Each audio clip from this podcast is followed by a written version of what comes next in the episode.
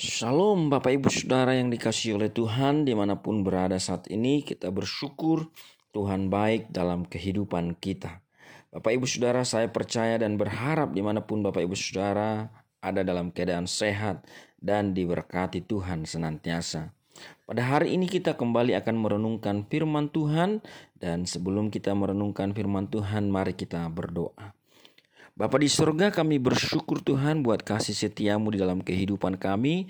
Terima kasih Tuhan buat kebaikanmu, anugerahmu yang terus berlimpah atas kami.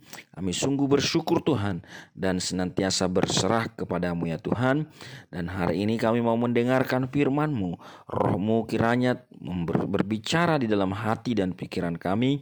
Memberi kami kekuatan dan hikmat kebijaksanaan untuk mengerti firman-Mu dan melakukan firman-Mu sehingga namamu Tuhan dimuliakan atas hidup kami. Terpujilah namamu Tuhan di dalam nama Yesus Kristus kami berdoa. Haleluya. Amin. Bapak Ibu Saudara yang terkasih pada hari ini renungan kita diambil dari Matius pasal yang ketujuh ayat yang pertama sampai ayatnya yang ke-27. Matius pasal 7 ayat yang pertama sampai ayatnya yang ke-27. Dalam bagian ini saya tidak akan membaca keseluruhan ayatnya Bapak Ibu Saudara karena ini adalah merupakan ayat uh, pasal yang lumayan panjang Bapak Ibu Saudara ada 27 ayat. Oleh karena itu kita akan melihat bagian-bagian yang akan ada di dalam pasal 7 ini. Yang pertama Bapak Ibu Saudara, Lembaga Alkitab Indonesia membagi ke dalam enam perikop daripada kitab pasal 7 ini Bapak Ibu Saudara daripada kitab Matius pasal 7 ini dalam enam enam perikop. Perikop yang pertama berbicara mengenai hal menghakimi. Hal menghakimi di dalam ayat 1 sampai ayatnya yang kelima. Dari bagian ini kita belajar Bapak Ibu Saudara untuk kita tidak boleh menghakimi. Dalam ayat pertama dikatakan janganlah menghakimi. Dan bagian yang kedua yang dapat kita pelajari dari bagian hal mengenai menghakimi adalah bahwa kita harus lebih fokus kepada diri kita, memperbaiki diri kita, introspeksi diri kita daripada melihat menilai, menghakimi orang lain. Oleh karena itulah di dalam bagian ini Alkitab Yesus secara khusus menasihatkan bahwa selumbar di mata saudaramu dapat kamu lihat tetapi balok di matamu tidak dapat kamu lihat. Ada sering kali orang lebih berfokus kepada orang lain tetapi dia tidak berfokus kepada dirinya sendiri. Oleh karena itu Bapak Ibu Saudara, mari kita berfokus kepada diri kita sendiri, memperbaiki diri kita sendiri daripada kita berfokus kepada orang lain dan menilai orang lain, menghakimi orang lain. Mari kita lihat diri kita dan mari kita kembangkan diri kita. Di dalam bagian yang kedua Bapak Ibu Saudara itu berbicara mengenai hal yang kudus dan berharga di dalam ayat 6. Ini berbicara mengenai Bapak Ibu Saudara bahwa dikatakan jangan memberikan sesuatu yang berharga kepada anjing ataupun kepada babi, mutiara kepada babi. Karena apa? Karena nanti ia akan mengoyak-oyak kamu kembali. Nah, Bapak Ibu Saudara dalam bagian ini apa yang kita belajar Bapak Ibu Saudara bahwa ketika kita memberi sesuatu, mempercayakan sesuatu, pastikan itu adalah tepat Bapak Ibu Saudara. Oleh karena itu saya Mengutip Bapak Ibu Saudara pernyataan seperti ini dalam bahasa Inggris, right people in the right place in the right time. Orang yang tepat ya Bapak Ibu Saudara, orang yang tepat ditempatkan di tempat yang tepat dan di waktu yang tepat. Sehingga Bapak Ibu Saudara semua boleh berjalan dengan baik. Jangan salah mempercayakan sesuatu kepada orang Bapak Ibu Saudara, termasuk perkataan kita termasuk rahasia-rahasia kita, termasuk segala sesuatu yang berharga bagi kita. Percayakanlah kepada orang yang tepat, di tempat yang tepat, dan di waktu yang tepat, Bapak Ibu Saudara. Nah, Bapak Ibu Saudara, di dalam bagian yang ketiga, ayat 7 sampai ayatnya 11 ini berbicara mengenai hal pengabulan doa Bapak Ibu Saudara. Katakan mintalah maka akan diberikan. Ketoklah maka pintu akan dibukakan. Carilah, maka kamu akan mendapat. Karena setiap orang yang meminta akan menerima. Nah, Bapak Ibu Saudara, setiap orang yang mengetok baginya pintu akan dibukakan dan setiap orang yang mencari akan mendapat. Dari bagian ini Bapak Ibu Saudara kemudian dijelaskan lebih lagi dan diberi lagi gambaran berbicara mengenai seorang ayah. Tidak mungkin ayah ada anak yang minta roti memberi ular atau memberi batu dan lain sebagainya. Kemudian Yesus menegaskan bahwa engkau saja ayah di dunia tahu memberi yang baik bagi anak-anakmu apalagi Bapamu yang di surga. Bapak Ibu Saudara apa yang kita belajar sebenarnya dari sini dari bagian perikop yang ketiga ini berbicara mengenai pengabulan doa yaitu ada kepastian akan jawaban doa. Bapak Ibu Saudara terkadang bingung juga melihat orang-orang yang malas berdoa, malas meminta padahal Yesus sendiri, Alkitab sendiri sudah memberi kepastian bahwa siapa yang meminta, siapa yang mencari, siapa yang mengetok itu akan mendapatkan jawaban yang pasti dari Tuhan.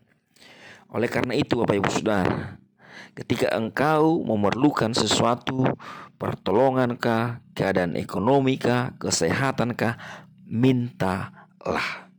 Karena setiap yang meminta pasti akan mendapat.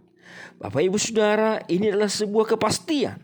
Yesus menegaskan ini bahwa setiap setiap yang meminta mendapat, setiap yang mencari menemukan, setiap yang mengetok baginya pintu dibukakan. Jadi Bapak Ibu Saudara, oleh karena itu tidak ada hal yang membuat kita ragu Bapak Ibu Saudara. Karena Kristus sendiri, firman Tuhan sendiri mengajarkan bahwa bagi kita yang berdoa, berharap, bergantung kepadanya, dia yang akan menjadi supply kita, Bapak Ibu Saudara. Oleh karena itu, bergantunglah kepada Tuhan, mintalah kepadanya, carilah kepadanya, ketoklah kepadanya, ketoklah pintu hati Tuhan, ketoklah pintu surga, Bapak Ibu Saudara. Bapak Ibu Saudara itu adalah hal yang ketiga di dalam Matius pasal yang ketujuh Hal yang keempat di dalam perikop yang keempat Matius pasal 7 ayat 12 sampai ayat yang ke-14 itu berbicara mengenai jalan yang benar Bapak Ibu Saudara. Berbicara mengenai jalan yang benar dikatakan hendaklah apa yang engkau inginkan dilakukan oleh orang lain kepadamu. Hendaklah engkau lakukan itu, perbuatlah itu kepada orang lain. Ini berbicara Bapak Ibu Saudara bahwa moral kita sebagai orang percaya itu adalah moral yang aktif, bukan yang pasif kita melihat kepada diri kita, apa yang kita harapkan orang lakukan bagi kita, apa yang harapkan orang lakukan perbuat bagi kita, maka kita yang harus berbuat itu demikian kepada orang lain. Misalnya engkau mengharapkan orang mengasihimu, maka engkau mengasihi orang itu terlebih dahulu. Ketika kita mengharap Bapak Ibu Saudara orang tersenyum kepada kita, maka kita yang tersenyum terlebih dahulu kepada orang lain Bapak Ibu Saudara. Dan dikatakan inilah isi seluruh hukum Taurat dan kitab para nabi. Bapak Ibu Saudara, moral kita, perbuatan kita adalah moral yang aktif, bukan yang pasif Bapak Ibu Saudara. Mari kita apa pun yang kita harapkan dari orang, mari kita lakukan itu terlebih dahulu. Oleh karena itulah Bapak Ibu Saudara, ketika kita mengharapkan itu terlebih dahulu, melakukan itu terlebih dahulu, maka kita akan tentunya menjadi teladan Bapak Ibu Saudara. Karena kita mengharapkan misalnya satu tempat itu bersih, mengharapkan orang akan membersihkannya, maka kita yang membersihkan itu terlebih dahulu Bapak Ibu Saudara.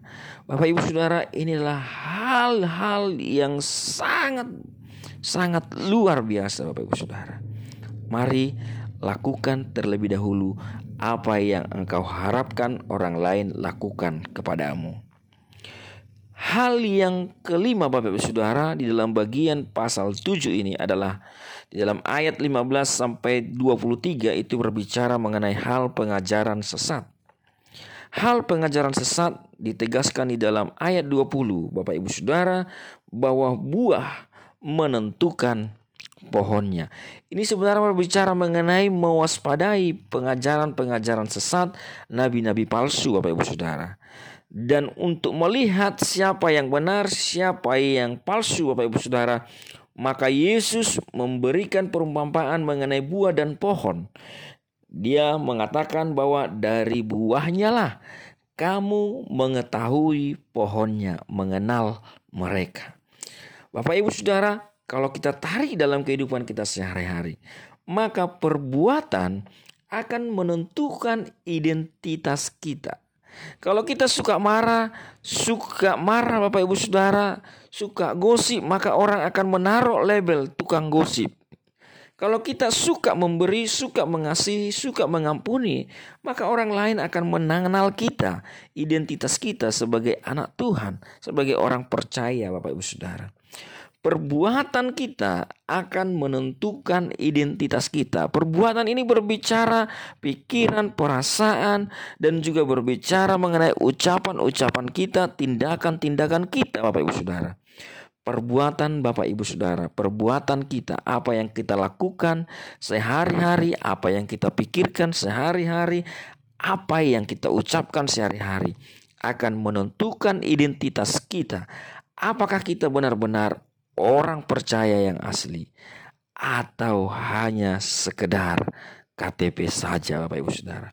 Apakah kita benar-benar tulus mengasihi atau tidak Bapak Ibu Saudara. Jadi Bapak Ibu Saudara untuk mengenal nabi palsu, pengajar-pengajar sesat, lihatlah buah yang sudah dikerjakannya Bapak Ibu. Amin. Bapak Ibu Saudara yang terkasih dalam bagian yang terakhir Bapak Ibu Saudara dalam pasal 7 ini ayat 24 sampai ayatnya yang ke-27 itu berbicara mengenai dua macam dasar Bapak Ibu Saudara. Di dalam bagian ini Bapak Ibu Saudara ada dua jenis orang yang diungkapkan oleh Yesus. Yang pertama adalah orang bijak. Siapakah mereka yang bijak? Mereka yang mendengarkan perkataan Tuhan, firman Tuhan dan melakukannya. Dan yang kedua adalah orang bodoh. Siapa itu orang bodoh? Mereka yang mendengar tetapi tidak melakukan. Bapak Ibu mari kita lihat diri kita sendiri. Ketika kita baca firman, ketika kita datang ke gereja, ketika kita mendengarkan firman, entah itu melalui YouTube, entah itu melalui pembacaan kita, entah itu melalui ibadah, komsel, sel grup, dan lain-lain sebagainya Bapak Ibu Saudara. Ketika kita dengar firman, Apakah kita menjadi orang bijak, yaitu kita melakukan firman itu, atau kita menjadi orang bodoh, tidak melakukan firman itu? Bapak, ibu, saudara, saya percaya dan berharap kita semua adalah orang yang bijaksana, Bapak Ibu. Firman Tuhan yang kita dengarkan hari ini, mari kita lakukan dari hari ke sehari setiap harinya. Sehingga kehidupan kita boleh menjadi kemuliaan bagi nama Tuhan Bapak Ibu Saudara. Mari kita membangun kerohanian kita, membangun hidup kita di dalam Tuhan. Sehingga kita menjadi terang, menjadi alat bagi kemuliaan nama Tuhan. Kita menjadi pelaku kehendak Bapa di surga. Terpujilah nama Tuhan Bapak Ibu Saudara. Di mana pun Bapak Ibu Saudara berada saat ini Biarlah kiranya Tuhan memberkati Bapak Ibu Saudara semuanya. Mari kita berdoa. Bapak di surga kami bersyukur Tuhan buat firman-Mu yang mengajar kami pada hari ini Tuhan. Biarlah hikmat Tuhan senantiasa memenuhi hati dan pikiran kami Terpuji namamu Tuhan, hamba berdoa buat setiap yang mendengarkan renungan ini. Di mana pun berada, Tuhan berkati mereka. Tuhan berbicara bagi mereka. Tuhan menuntun hidup mereka. Tuhan engkau Allah yang terus melawat mereka. Jika ada di antara mereka yang saat ini sedang sakit, Tuhan jama dan sembuhkan. Di dalam nama Tuhan Yesus kami berdoa. Haleluya. Amin. Salam Bapak Ibu Saudara, Tuhan Yesus memberkati kita semua.